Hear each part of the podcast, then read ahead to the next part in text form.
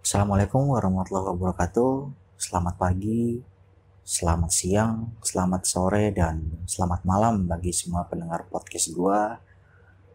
Salam sejahtera dan salam berbahagia bagi semua pendengar podcast gua dan selamat datang kembali di episode ketujuh bersama gua Adnan Nasrullah yaitu di podcast Denan.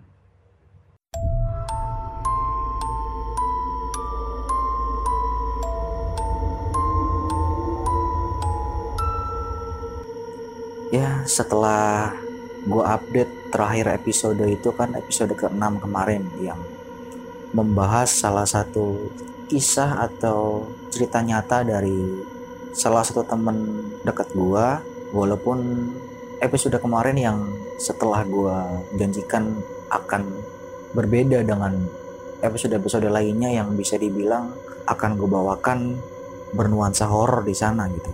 Tapi ya walaupun gak dibilang horor banget ya karena kan memang kondisi kita waktu bikin podcast itu kan outdoor ya seperti yang gue bilang di akhir video bahwa kita sebelumnya itu udah sempet nyari-nyari tempat buat bikin podcast tapi akhirnya berujung pada ketidaktemuan kita dengan tempat itu mau nggak mau harus di outdoor gitu. Tapi ya nggak apa-apa lah gitu kan. Yang penting pengalaman dia udah dikasih tahu dan bagi yang mendengarkan gue ucapkan terima kasih banyak ya kan karena ya apa pun yang akan gue share apa pun yang akan gue bagikan dalam podcast gue ini adalah semua kejadiannya itu berdasarkan hal nyata atau apa pun yang akan gue opinikan dalam podcast gue ini itu berdasarkan kejadian nyata atau yang pernah gue lihat maupun orang lain lihat itu sendiri. Nah, di episode ketujuh ini gue akan membawakan uh, suasana yang tidak jauh berbeda dengan episode sebelumnya. Dan pastinya kalian dari awal membaca judul pun plus juga mendengarkan sound yang gue berikan dari awal pun udah pasti tahu gitu kan bahwa gue akan membawakan episode ketujuh ini adalah episode yang bernuansa horor lagi dan bedanya sekarang gue membawakan episode ini tanpa siapa-siapa alias sendiri berhubung ini adalah pengalaman gue sendiri pengalaman gue pribadi dan walaupun ada hubungannya dengan temen gue kemarin dan ada teman ada hubungannya sama Wahyu kemarin tapi ya mungkin uh, untuk kali ini gue pengen membahas ini sendiri aja lah. Sebenarnya kisah ini juga dikategorikan sebagai horror pun juga kurang horror sih gitu kan. Cuman lebih tepatnya mungkin ke cerita misterius ya gitu. Karena kalau setahu gue horor itu kan ya sampai mohon maaf ya sampai orang itu yang mengalami dia sampai melihat atau bahkan sampai bersentuhan bahkan gitu. Kalau ini uh, eh, gue jujur aja gue enggak gitu enggak sampai segitunya gitu. Cuman uh, gue mengalami beberapa kejadian-kejadian aneh yang gue alami di kisah gue ini gitu. Kisahnya cukup lama gitu kan. Berlangsung ketika gue masih mengenakan seragam putih biru alias ketika gue masih SMP dan udah sekitar ya kurang lebih sekitar 8 tahun yang lalu lah. Ketika itu singkat cerita aja sekolah gue adalah sekolah Islam. Tapi sekolah Islam yang tidak hanya berkedok dengan nama Islam. Dalam artian sekolah Islam gue ini benar-benar sekolah Islam yang di mana semua atau seluruh kegiatan yang sekolah gue adakan itu berdasarkan atau berpatokan dengan nilai agama. Jadi hampir semua kegiatan yang kita laksanakan uh, dari sekolah itu pasti tidak jauh dari nilai agama gitu. Jangankan kegiatan formal dari sekolah gitu kan, bercanda pun kita tetap difilter gitu. Itu singkat cerita sekolah gue gitu.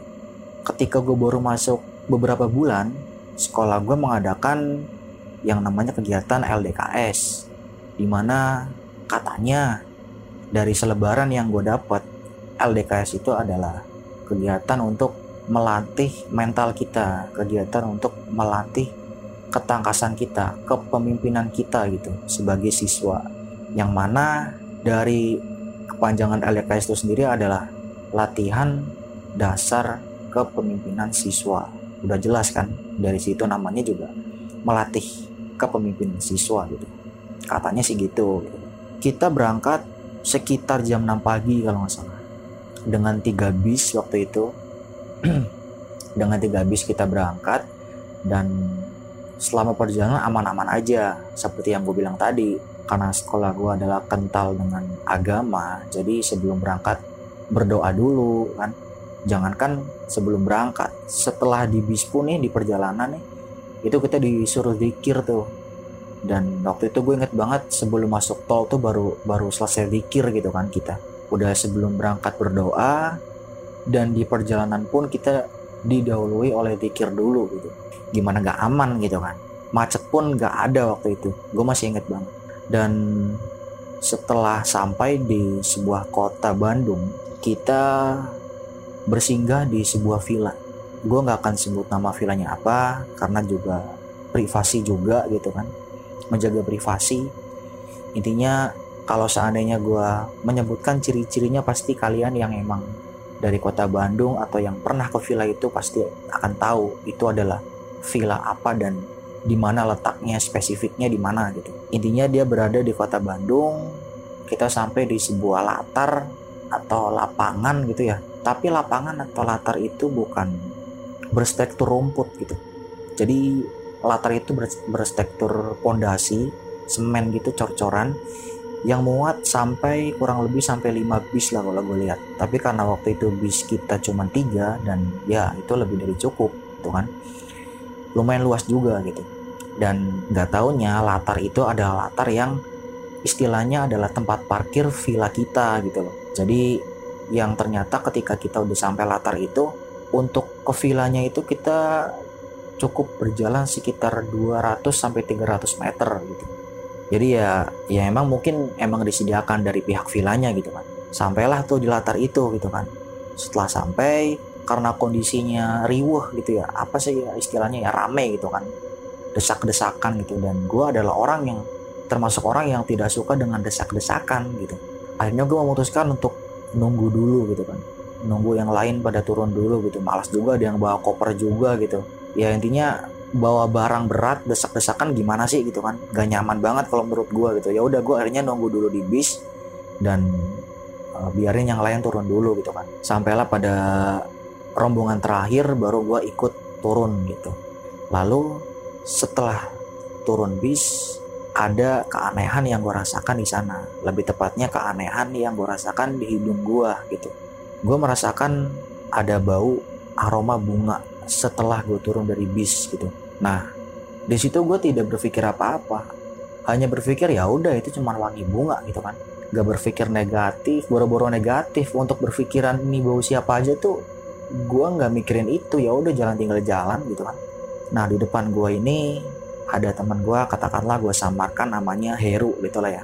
Heru ini tepat di depan gue gitu. Terus gue nyamperin ke dia kan pas gue udah deketin dia si Heru ini tiba-tiba nanya ke gue Nan kata dia lo nyium bau wangi gak sih? Nah pada saat itu gue langsung kayak dep loh kok ternyata si Heru juga ngerasain? Terus gue bilang ke Heru wangi apa? Gitu kan. Gue tanya balik lah. Terus dia bilang wangi kayak bunga-bungaan gitu nggak sih? kata dia. Terus pas itu gue kayak oh ya udahlah gue gue alihkan gitu. Gue bilang aja terus gue bilang ya mungkin minyak wangi kali gitu. Intinya gitu. Gue lupa persisnya kayak apa dialognya intinya gue ujung-ujungnya kayak mengalihkan lah gitu. Tapi di saat gue berpikir itu adalah minyak wangi otomatis gue nengok ke belakang kan gitu kan. Karena pikiran gue mungkin nih orang yang di belakang gue nih yang yang makin minyak wangi itu gitu. Pas gue nengok ke belakang gak taunya gak ada siapa-siapa di belakang. Ketika gue tahu udah gak ada siapa-siapa gue mulai kayak berpikir keras gitu. Takut sih enggak tapi lebih kayak berpikir gitu loh kok gak ada orang gitu? Tapi baunya dari mana? gitu kan. Menduga-duga lah istilahnya gitu. Akhirnya gue dengan semakin gue menduga gue nengok kanan kiri lah gitu kan. Nengok kanan kiri gak ada bunga. Which is ketika gak ada bunga pasti gak ada wangi-wangian dong gitu kan. Intinya gak ada sesuatu yang menjelaskan bahwa ada wangi-wangian di sana tapi bau itu masih tercium dan jelas banget itu adalah bau bunga gitu. Yang yang sejak awal uh, eh, gue bisa pastikan bahwa aroma bunga alami dengan buatan alias minyak wangi pasti beda deh gitu. Lu pasti bisa bedain ketika lo nyium bunga-bunga bunga mawar nih misalkan ya atau melati lah misalnya dengan parfum bunga melati. Pasti baunya beda gitu. Alami dengan buatan pasti beda gitu. Nah dan ini gue bener-bener bisa gue pastikan ini bener-bener bau alami gitu. Nah setelah itu gue berpikir lagi oh mungkin orang yang di yang di depan gue nih gitu kan. Kan gue sama si Heru jalannya udah ber, beriringan tuh bersebelahan gitulah sama si Heru. Nah di depan gue itu ada yang lain gitu kan. Cuman anehnya orang yang di depan gue itu cukup jauh gitu jaraknya dari gue adalah sekitar 15 sampai 20 langkah gitu. Jadi yang bisa gue pastikan dan gue berpikir jarak sejauh itu mana mungkin minyak wangi bisa tercium gitu kan. Karena kan gue masih berpikir itu kan minyak wangi walaupun gue berpikir itu adalah bunga asli ya tapi gue mikirnya gue masih minyak wangi gitu. Dan ya dengan jarak sejauh itu gue kadang kayak bertentangan gitu penuh dengan kontroversi di otak gue gitu. Tapi lagi-lagi ya ya udahlah gitu loh ngapain sih dipikirin gitu kan. Lagi pula kan hari waktu itu masih bener-bener terik gitu kan siang gitu siang bolong. Kalau nggak salah sekitar jam 2an kalau nggak salah atau nggak jam 1 jam 2 lah. Intinya sebelum asar kita udah nyampe Bandung gitu udah nyampe villa itu. Dan udahlah gitu kan gue melupakan itu. Akhirnya kita berjalan di sebuah jalan setapak yang jalan itu menuntun kita ke villa itu. Sebenarnya bukan jalan setapak juga sih jadi jalannya itu emang uh, kecil. Ya cukup lah untuk dua motor kalau nggak salah tapi sebelah kanan itu ada beberapa rumah warga dan sebelah kiri itu itu pohon-pohon gitu. Mungkin kalau nggak salah sebelah kiri itu ada kali atau sungai kecil gitu. Dan sebelah kanannya tuh kayak kayak ada rumah penduduk gitu. Jalannya lumayan jalannya lumayan lumayan kecil. Kalau buat mobil nggak muat tapi kalau buat motor dua motor pun gue yakin masih muat gitu. Akhirnya sampailah di sebuah villa yang kita semua disambut oleh beberapa pohon bambu. Beberapa pohon bambu ini bukan pohon bambu yang dia berdiri secara terpisah gitu loh. Dia pohon bambu ini tuh dia uh, di saat kita memasuki wilayah villa itu gitu ya. Di sebelah kiri itu ada kalau bisa gue analogikan tuh kayak sapu lidi gitu sapu lidi kan dia kan apa ya bergerombol gitu maksudnya dia nggak nggak misah-misah gitu kan menyatu gitu nah dan ini banyak gitu loh kayak gitu pohon bambunya ada tiga atau empat gitu kalau kalau nggak salah di sebelah kiri ya pas mau memasuki jalan ke villa itu gitu. Dan atasnya itu kayak bener-bener lebat sampai dia kayak nutupin jalan kita gitu. Nutupin dalam artian cahaya matahari itu nggak masuk. Dan gue di situ merasa kayak hawanya ya sebenarnya hawanya biasa aja sih cuman ya emang lebih adem aja karena kan Bandung gitu kan. Apalagi cahaya matahari kan tertutupi oleh pohon-pohon bambu itu gitu. Walaupun kalau gue lihat tuh kita kayak masuk ke sebuah pintu sih sebetulnya gitu. Jadi pohon bambunya itu atasnya itu dia kayak menunduk gitu loh kayak misalnya padi nih udah udah berisi kan dia kan nunduk. Nah itu kayak gitu. Karena emang saking lebat dan saking panjangnya dia sampai kayak gitu gitu. Dan itu bukan cuman satu satu gerombolan pohon bambu lah istilahnya. Itu udah banyak yang gue bilang tadi bisa sampai 3 sampai 4 kalau nggak salah. Yang akhirnya kita di sana sampai duduk di sebuah teras villa itu. Terasa cukup cukup besar juga gitu kan. Terasnya cukup luas yang bisa muat untuk duduk keliling lah ya duduk keliling lingkar gitu karena memang kita di sana ketika setelah sampai di sana ada salah satu guru yang menyarankan kita untuk membaca surat Al-Baqarah gitu. Karena kan bagi yang beragama Islam ya, kita tahu bahwa bangunan yang memang sudah lama tidak dihuni, lebih dari 40 hari, itu pasti sudah ada penghuni lain yang bisa dikatakan penghuni tidak kasat mata gitu. Dan untuk mencegah itu dalam ajaran Islam salah satunya yaitu untuk membacakan surat Al-Baqarah di tempat yang akan kita singgahi itu gitu. karena kan kita nggak tahu kan villa itu udah berapa bulan bahkan udah berapa tahun udah pernah ditempatin sama orang gitu kan. Jadi ya untuk mengantisipasi ya kita membaca surat Al-Baqarah itu. Untuk selesai sampai selesai atau enggaknya gue lupa cuman kita cukup lama sih bacanya gitu kan. Sekitar setengah jam lah gitu. Dan dengan adanya itu hati gue yang tadinya ya bisa dibilang agak sedikit-sedikit merasakan keanehan lah ketika gue masuk ke, ke villa itu udah kayak merasa bisa dibilang takut sih gitu. karena kan dari awal kan gue udah nyium bunga kan walaupun emang gue bawa enjoy gitu kan. Tapi se enjoy enjoynya gue ya tetap aja gue berpikiran gue wah ngeri juga nih gitu. Udah nyium wangi terus pas ma pas masuk tuh banyak pohon bambu gitu kan. Tau bagi kalian yang paham pohon bambu pasti ya tau lah gitu kan ada apa gitu di balik itu gitu. Walaupun ya nggak bisa kita pastikan untuk kita kaitkan juga gitu. Tapi ya ada yang namanya keberadaan ya tetap ada gitu kan. Dan udah tuh setelah itu membaca surat al-baqarah uh, hati gue kan mulai nyaman lagi tuh udah mulai mulai enak lagi lah. Gue udah mulai terasa safety gitu istilahnya udah terbentengi dengan surat al-baqarah tersebut. Singkat cerita sampai akhirnya waktu sudah menunjukkan jam 5 sore kalau nggak salah waktu itu. Dan kamar cowok alias kamar murid laki-laki dengan murid perempuan kan pasti kan berbeda kan jangankan kamar kelas aja kan kita dipisah gitu nah murid perempuan itu ada di dalam villa tersebut gitu loh. Nah murid uh, laki-laki, murid cowok itu dia berada di luar villa tersebut. Maksudnya bukan berarti di luar outdoor gitu. Jadi gambaran villanya kayak gini. Uh, dari pohon bambu yang tadi gue cerita tuh kita agak turun tuh, agak turun. Terus uh, kaki kita maksudnya setelah kita melepas alas kaki langkah pertama yang kita ambil pasti kita menapaki sebuah teras dulu gitu. Nah setelah teras kita ke kanan itu udah villa tuh itu pintu utama villa. Dan itu masuk ke villa yang villa utamanya itu bener-bener villa utamanya itu gitu. Dan di sana untuk tempat penginapan guru-guru dan murid-murid perempuan gitu. Dan untuk yang laki-lakinya itu di luar itu. Jadi kan pintu utama tadi tuh yang uh, mengarah masuk ke villa utama gitu kan. Kalau yang buat murid cowok atau murid laki-laki itu kita ke kiri gitu. Ke kiri yang di mana ke kiri itu ada sebuah pondasi pondasi kayak jalan setapak gitu gitu kan. Dan uh, setelah kita ke kiri itu baru ada tuh ada sebuah pintu yang kita masukin. Setelah kita masukin tuh banyak dipan-dipan gitu. Uh, ada sekitar kalau nggak salah 8 dipan atau 6 dipan gitu yang jelas sih genap gitu kan. Kayaknya sih 8 dipan gitu setahu gua. Dan di ujung bangunan itu atau di sebelah kamar itu itu adalah kamar mandi gitu. Jadi kalau kita belok ke kiri sekitar lima langkah dari situ itu ada pintu dan pintu itu adalah pintu kamar terus jalan lagi di ujung itu adalah kamar mandi gitu. Walaupun di dalam kalau nggak salah di dalam kamarnya kalau nggak salah gue inget antara ada kamar mandi juga atau cuma wastafel gitu. Gue agak-agak lupa tuh pas di situnya. Karena gue nggak sempat make gitu. Gue makainya kamar mandi yang di luar gitu. Nah karena udah sore yang gue bilang tadi kan udah jam 5 kita pasti mandi dong gitu kan. Jadi emang jadwalnya emang jadwal bersih-bersih gitu kan. Kayak mandi eh, beres-beres gitu kan. Masukin barang ke kamar. Itu waktu di saat waktu itu gitu kan. Nah setelah itu gue mandi ya kan? Itu waktu udah sore banget tuh mungkin mungkin bisa jadi udah hampir setengah enam gitu.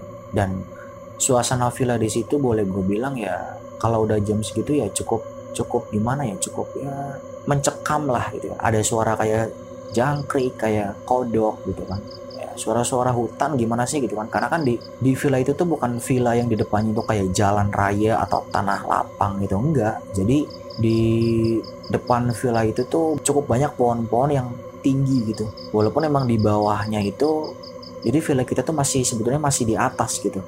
Ketika gue bilang tadi dari jalan bambu turun agak turun terus kalau mau turun lagi tuh bisa ke bawah. Jadi itu ada semacam halaman lagi di bawah buat tempat kita uh, main games gitu ada outbound gitu di sana di kemudian harinya gitu. Tapi di sekelilingnya itu pohon-pohon tinggi gede itu banyak banget gitu. Yang di mana ketika gue mandi di saat itu ya suara-suara hutan suara-suara jangkrik gitu ya semacam suara-suara-suara itulah itu udah banyak gitu kan. Dan ya udah uh, melawan rasa mencekam itu akhirnya ya gue mandi daripada gue nggak mandi gitu kan. Gue mandi terus udah nih di saat gue mandi aman gitu kan gak ada apa-apa. Tapi ketika gue mau selesai gitu kan baru mau selesai nih gue baru mau ngambil handuk tiba-tiba ada teman gue katakanlah gue samarkan namanya Romli gitu kan. dia manggil gue Nan cepetan dong gantian kata dia. Terus gue bilang gitu kan iya sabar bentar lagi juga kelar gitu. Karena emang emang gue beneran emang udah mau kelar gitu kan gue udah mau ngambil anduk gitu. Gue udah mau selesai dan udah udah gue ngambil anduk anduk andukan gitu kan. Setelah gue mengeringkan badan gitu. Dugaan gue dan pastinya ketika gue buka pintu udah ada Romli kan di depan yang nungguin lah. Bayangan gue tuh Romli tuh udah udah berdiri, berdiri kayak orang kesel aja gitu di depan pintu gitu nungguin gue kelamaan gitu mungkin gitu kan. Tapi ketika gue buka pintu tiba-tiba nggak ada orang sama sekali gitu. Dan gue coba tengok kanan kiri juga gak ada siapa-siapa kan. Yang ada hanyalah tadi suara-suara hutan jangkrik kodok gitu kan. Ya udahlah habis itu gue masih tetap berpositif thinking gitu kan. Oh mungkin emang si Romli ini ada peralatan mandi yang dia ketinggalan gitu kan. Jadinya dia ngambil lagi ke kamar kali mungkin. Atau mungkin bisa jadi juga emang dia iseng gitu kali kan. Ya emang ya namanya orang gitu kan. Apalagi gue sama Romli juga cukup cukup deket dulu gitu ya udah gue memutuskan buat ke kamar gitu kan dengan kiran positif gue dan sampainya di kamar percaya nggak percaya gue lihat Romli lagi udah salin pakaiannya udah rapi dan dia lagi posisinya tuh lagi ngaduk-ngadukin kepala gitu. Mungkin dia kayak habis keramas atau gimana gitu ya. Intinya dia rambutnya tuh dalam kondisi basah terus dia lagi mencoba mengeringkan itu dengan handuk gitu kan. Nah di situ gue kaget. Gue tanya kan ke dia gitu kan Rom lu bukannya belum mandi? Gitu kan. Gue langsung spontan aja ngomong kayak gitu kan padahal gue udah lihat dia udah rapih gitu. Kan aneh gitu kan. Terus dia jawab udah tadi gue mandi kata dia. Terus gue bilang ke dia langsung lah tadi siapa yang ngetok-ngetok? Gitu. terus dia bilang lah nggak tahu gue gitu. Gue udah dari tadi ya mandi dia bilang gitu. Di situ gue pikiran positif gue dulu tuh udah mulai mulai apa ya terkikis gitu. Waduh siapa tuh tadi? Gitu kan. Gue uh, apa ya maksudnya merasa kayak ya itu adalah emang bukan Romli gitu. Dan tapi pada saat itu karena emang kondisinya rame gitu kan di kamar juga rame gitu kan. Ya gimana sih di tempat sebuah penginapan yang cukup besar gitu ya istilahnya kayak kayak asrama gitu cuman kayak nyampur gitu satu kamar gitu kan banyak banyak kasur-kasurnya dipan-dipannya gitu kan. Kondisi pada rame anak SMP pada ngobrol sana sini kan pasti kan ya bawaannya tenang gitu lah. Gak ada apa-apa. Ya udah gue akhirnya lanjutin dengan salin ya kan? Dan melanjutkan dengan acara selanjutnya dan di malam hari gitu. Yang di mana ketika sekolah gua mengadakan kegiatan setiap pagi dan sorenya pasti selalu melakukan zikir gitu loh zikir pagi dan zikir sore gitu. Lebih tepatnya zikir al masurot intinya sore ketika waktu-waktu maghrib itu uh, kita zikir al masurot nah itu yang membuat gue tuh tenang lagi gitu. Nah ketenangan gua akhirnya sampailah di ujung jadwal tidur gitu. Seperti biasa yang gue bilang gitu kan anak-anak SMP gitu kan rame gitu. Riwo mau mau tidur aja tuh pasti masih ngobrol gitu kan. Ada yang makan lah ada yang apalah gitu kan. Abstrak lah gitu. Nah tapi akhirnya keramaian itu berujung suasana sepi yang kita semua terlelap di atas dipan-dipan itu. Dan ketika sudah waktu sunyi itu tiba tiba-tiba tengah malam tuh gue terbangun gitu. Dan gue masih inget banget waktu itu kenapa gue bilang tengah malam karena ketika gue bangun semuanya udah pada terlelap gitu udah pada tidur gitu.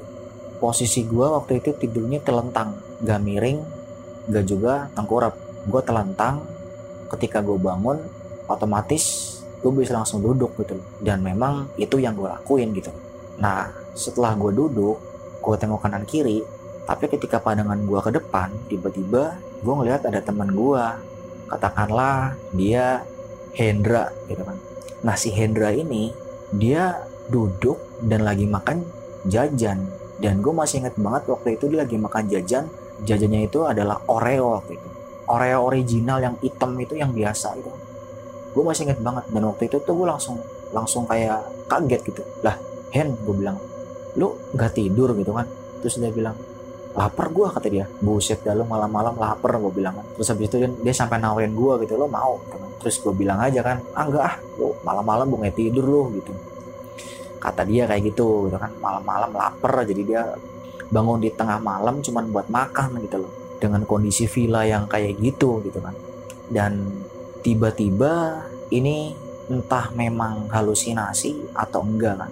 Tapi tiba-tiba setelah percakapan gue dengan Hendra itu berakhir langsung saat itu juga tuh gue dengar suara di pohon depan kamar gue gitu mungkin bukan di depan kamar persis karena di, depan kamar persis nggak ada pohon cuman rumput-rumput tuh agak tinggi gitu kan. Pohon mungkin pohon yang di, lebih tepatnya pohon di depan villa gitu yang yang gue bilang tadi banyak pohon-pohon tinggi gitu tapi lebih tepatnya di posisinya di mana gue kurang tahu cuman arah suara itu tuh berasal dari atas sana gitu.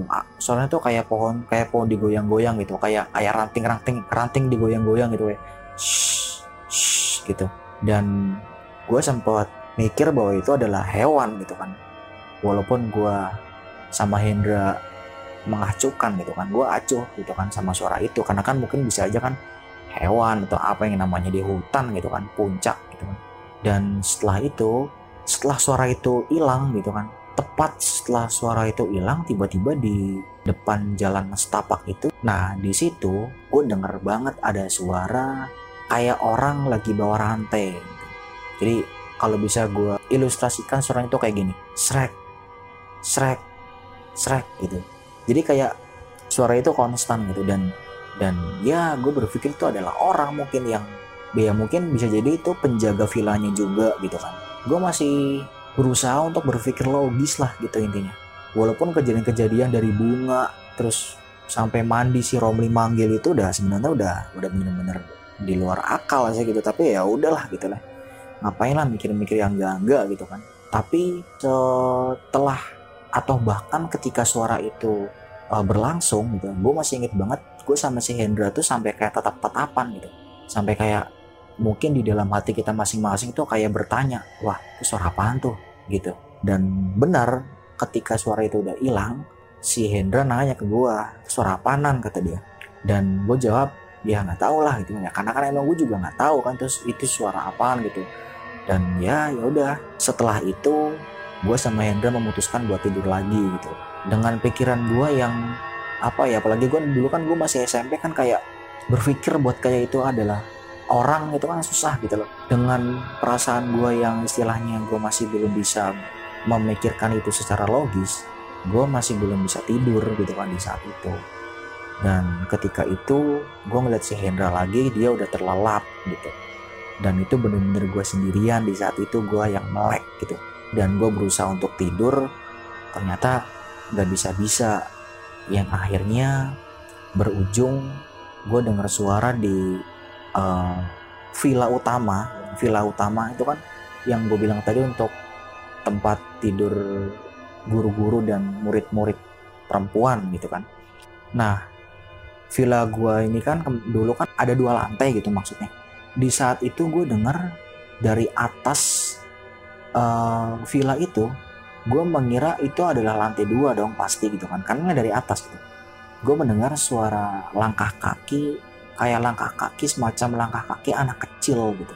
Kalian kalau misalkan pernah dengar anak kecil yang dia lagi mainin langkah kakinya dengan berlari-larian kecil pasti kalian gak asing lagi lah. Kalau bisa gue ilustrasikan tuh kayak gini. Bir bir bir bir gitu. Jadi kayak kayak main, main kayak dia lagi lari tapi dimain-mainin gitu. Nggak lari yang konstan deg deg deg deg gitu enggak tapi tapi gerak gerak gerak gitu. Yang mana ketika itu tuh gue berpikir bahwa waduh udah ada tiga suara nih gitu kan. Dan suara terakhir itu yang anak kecil itu tuh membuat gue langsung kayak wah langsung kayak bener-bener gue kayak berpikir buat maksain tidur aja udah gitu kan. Dan untungnya banget gitu kan dengan kehokian gue gitu gue langsung tiba-tiba langsung bisa tidur dan ketika gue sadar lagi itu bener-bener ketika ada orang yang bangunin kita semua yang ada di situ buat uh, sholat subuh waktu itu. Nah, semenjak saat itu sebetulnya keanehan yang gue rasakan udah nggak ada lagi gitu. Hanya itu aja. Cuman ada salah satu yang bisa dibilang desas-desus gitu yang gue denger gitu kan. Ketika besoknya kan makan pagi nih sarapan pagi gitu kan. Ya matahari cukup terang sih waktu itu ya mungkin sekitar jam 7 lah kalau nggak salah. Udah cukup terang tapi tiba-tiba ketika semua udah pada menyandang nasi di piring masing-masing tiba-tiba ada guru perempuan yang dia nanya ke guru perempuan yang lain di sebelahnya dia nanya gitu gue masih inget banget dia bilang kayak gini nanya bu semalam ada bayi nangis ya kayak gitu katanya. Dan guru perempuan yang di sebelahnya itu jawab enggak ah gak ada yang bawa anak kecil kok. Terus dia jawab lagi tuh yang guru yang nanya tadi kan. Loh tapi kok semalam saya dengar kayak ada bayi nangis ya kata dia. Terus dijawab lagi lah dengan jawaban yang sama gitu kan. Enggak enggak ada. Kan enggak ada yang bawa anak kecil kita gitu. Yang bisa gue artikan bahwa guru itu bilang tidak ada guru yang membawa anak kecil gitu intinya. Baik dari guru-guru maupun karyawan sekolah lainnya emang gak ada yang bawa anak kecil. Dan memang gue lihat memang gak ada anak kecil semenjak perjalanan sampai hari kedua itu gitu. Dan ya di saat itu gue langsung kayak berpikir jangan-jangan memang langkah kaki yang gue dengar semalam itu adalah langkah kaki yang yang di mana ketika guru itu mendengar itu adalah anak kecil dan gue adalah mendengar langkah kaki itu gitu. Yang bisa gue kaitkan yang mana bisa gue kaitkan adalah itu adalah emang. Ya kalian pasti bisa mikir lah dan gue dengar langkah kaki anak kecil. Sedangkan guru gue mendengar ada suara bayi katanya. Bayi nangis. Jadi gue berpikir bahwa gue beranggapan gue mendengarkan sesuatu yang sama tapi jenisnya berbeda gitu gue mendengar sesuatu yang sama tapi jenis suaranya berbeda gitu intinya. Dan di saat itu gue langsung berpikir bahwa wah ternyata bener gitu kan. Dari awal gue nyium bunga gitu kan. Turun dari bis gue nyium bunga hero pun nyium bunga gitu kan. Terus uh, di kamar mandi suara Romli itu ternyata itu bukan suara Romli. Sampai malam-malam ada suara di pohon dan ada suara semacam suara besi atau rantai yang digesek di ubin gitu kan sampai terakhir suara bayi itu yang katanya guru gue denger gitu kan. Dan ya emang ternyata dari semua hal itu gue baru baru berpikir bahwa wah ternyata emang penampilan atau penampakan villa ini itu tidak kalah jauh dengan beberapa kejadian-kejadian yang emang gue alami di sana. Dan ya bisa dibilang cukup menyeramkan gitu kan. Tanpa ada kejadian-kejadian itu pun penampakan villa itu emang udah udah udah cukup menyeramkan gitu. Apalagi dengan ada kejadian-kejadian itu gitu. Gue semakin berpikir bahwa itu villa kok serem amat gitu kan.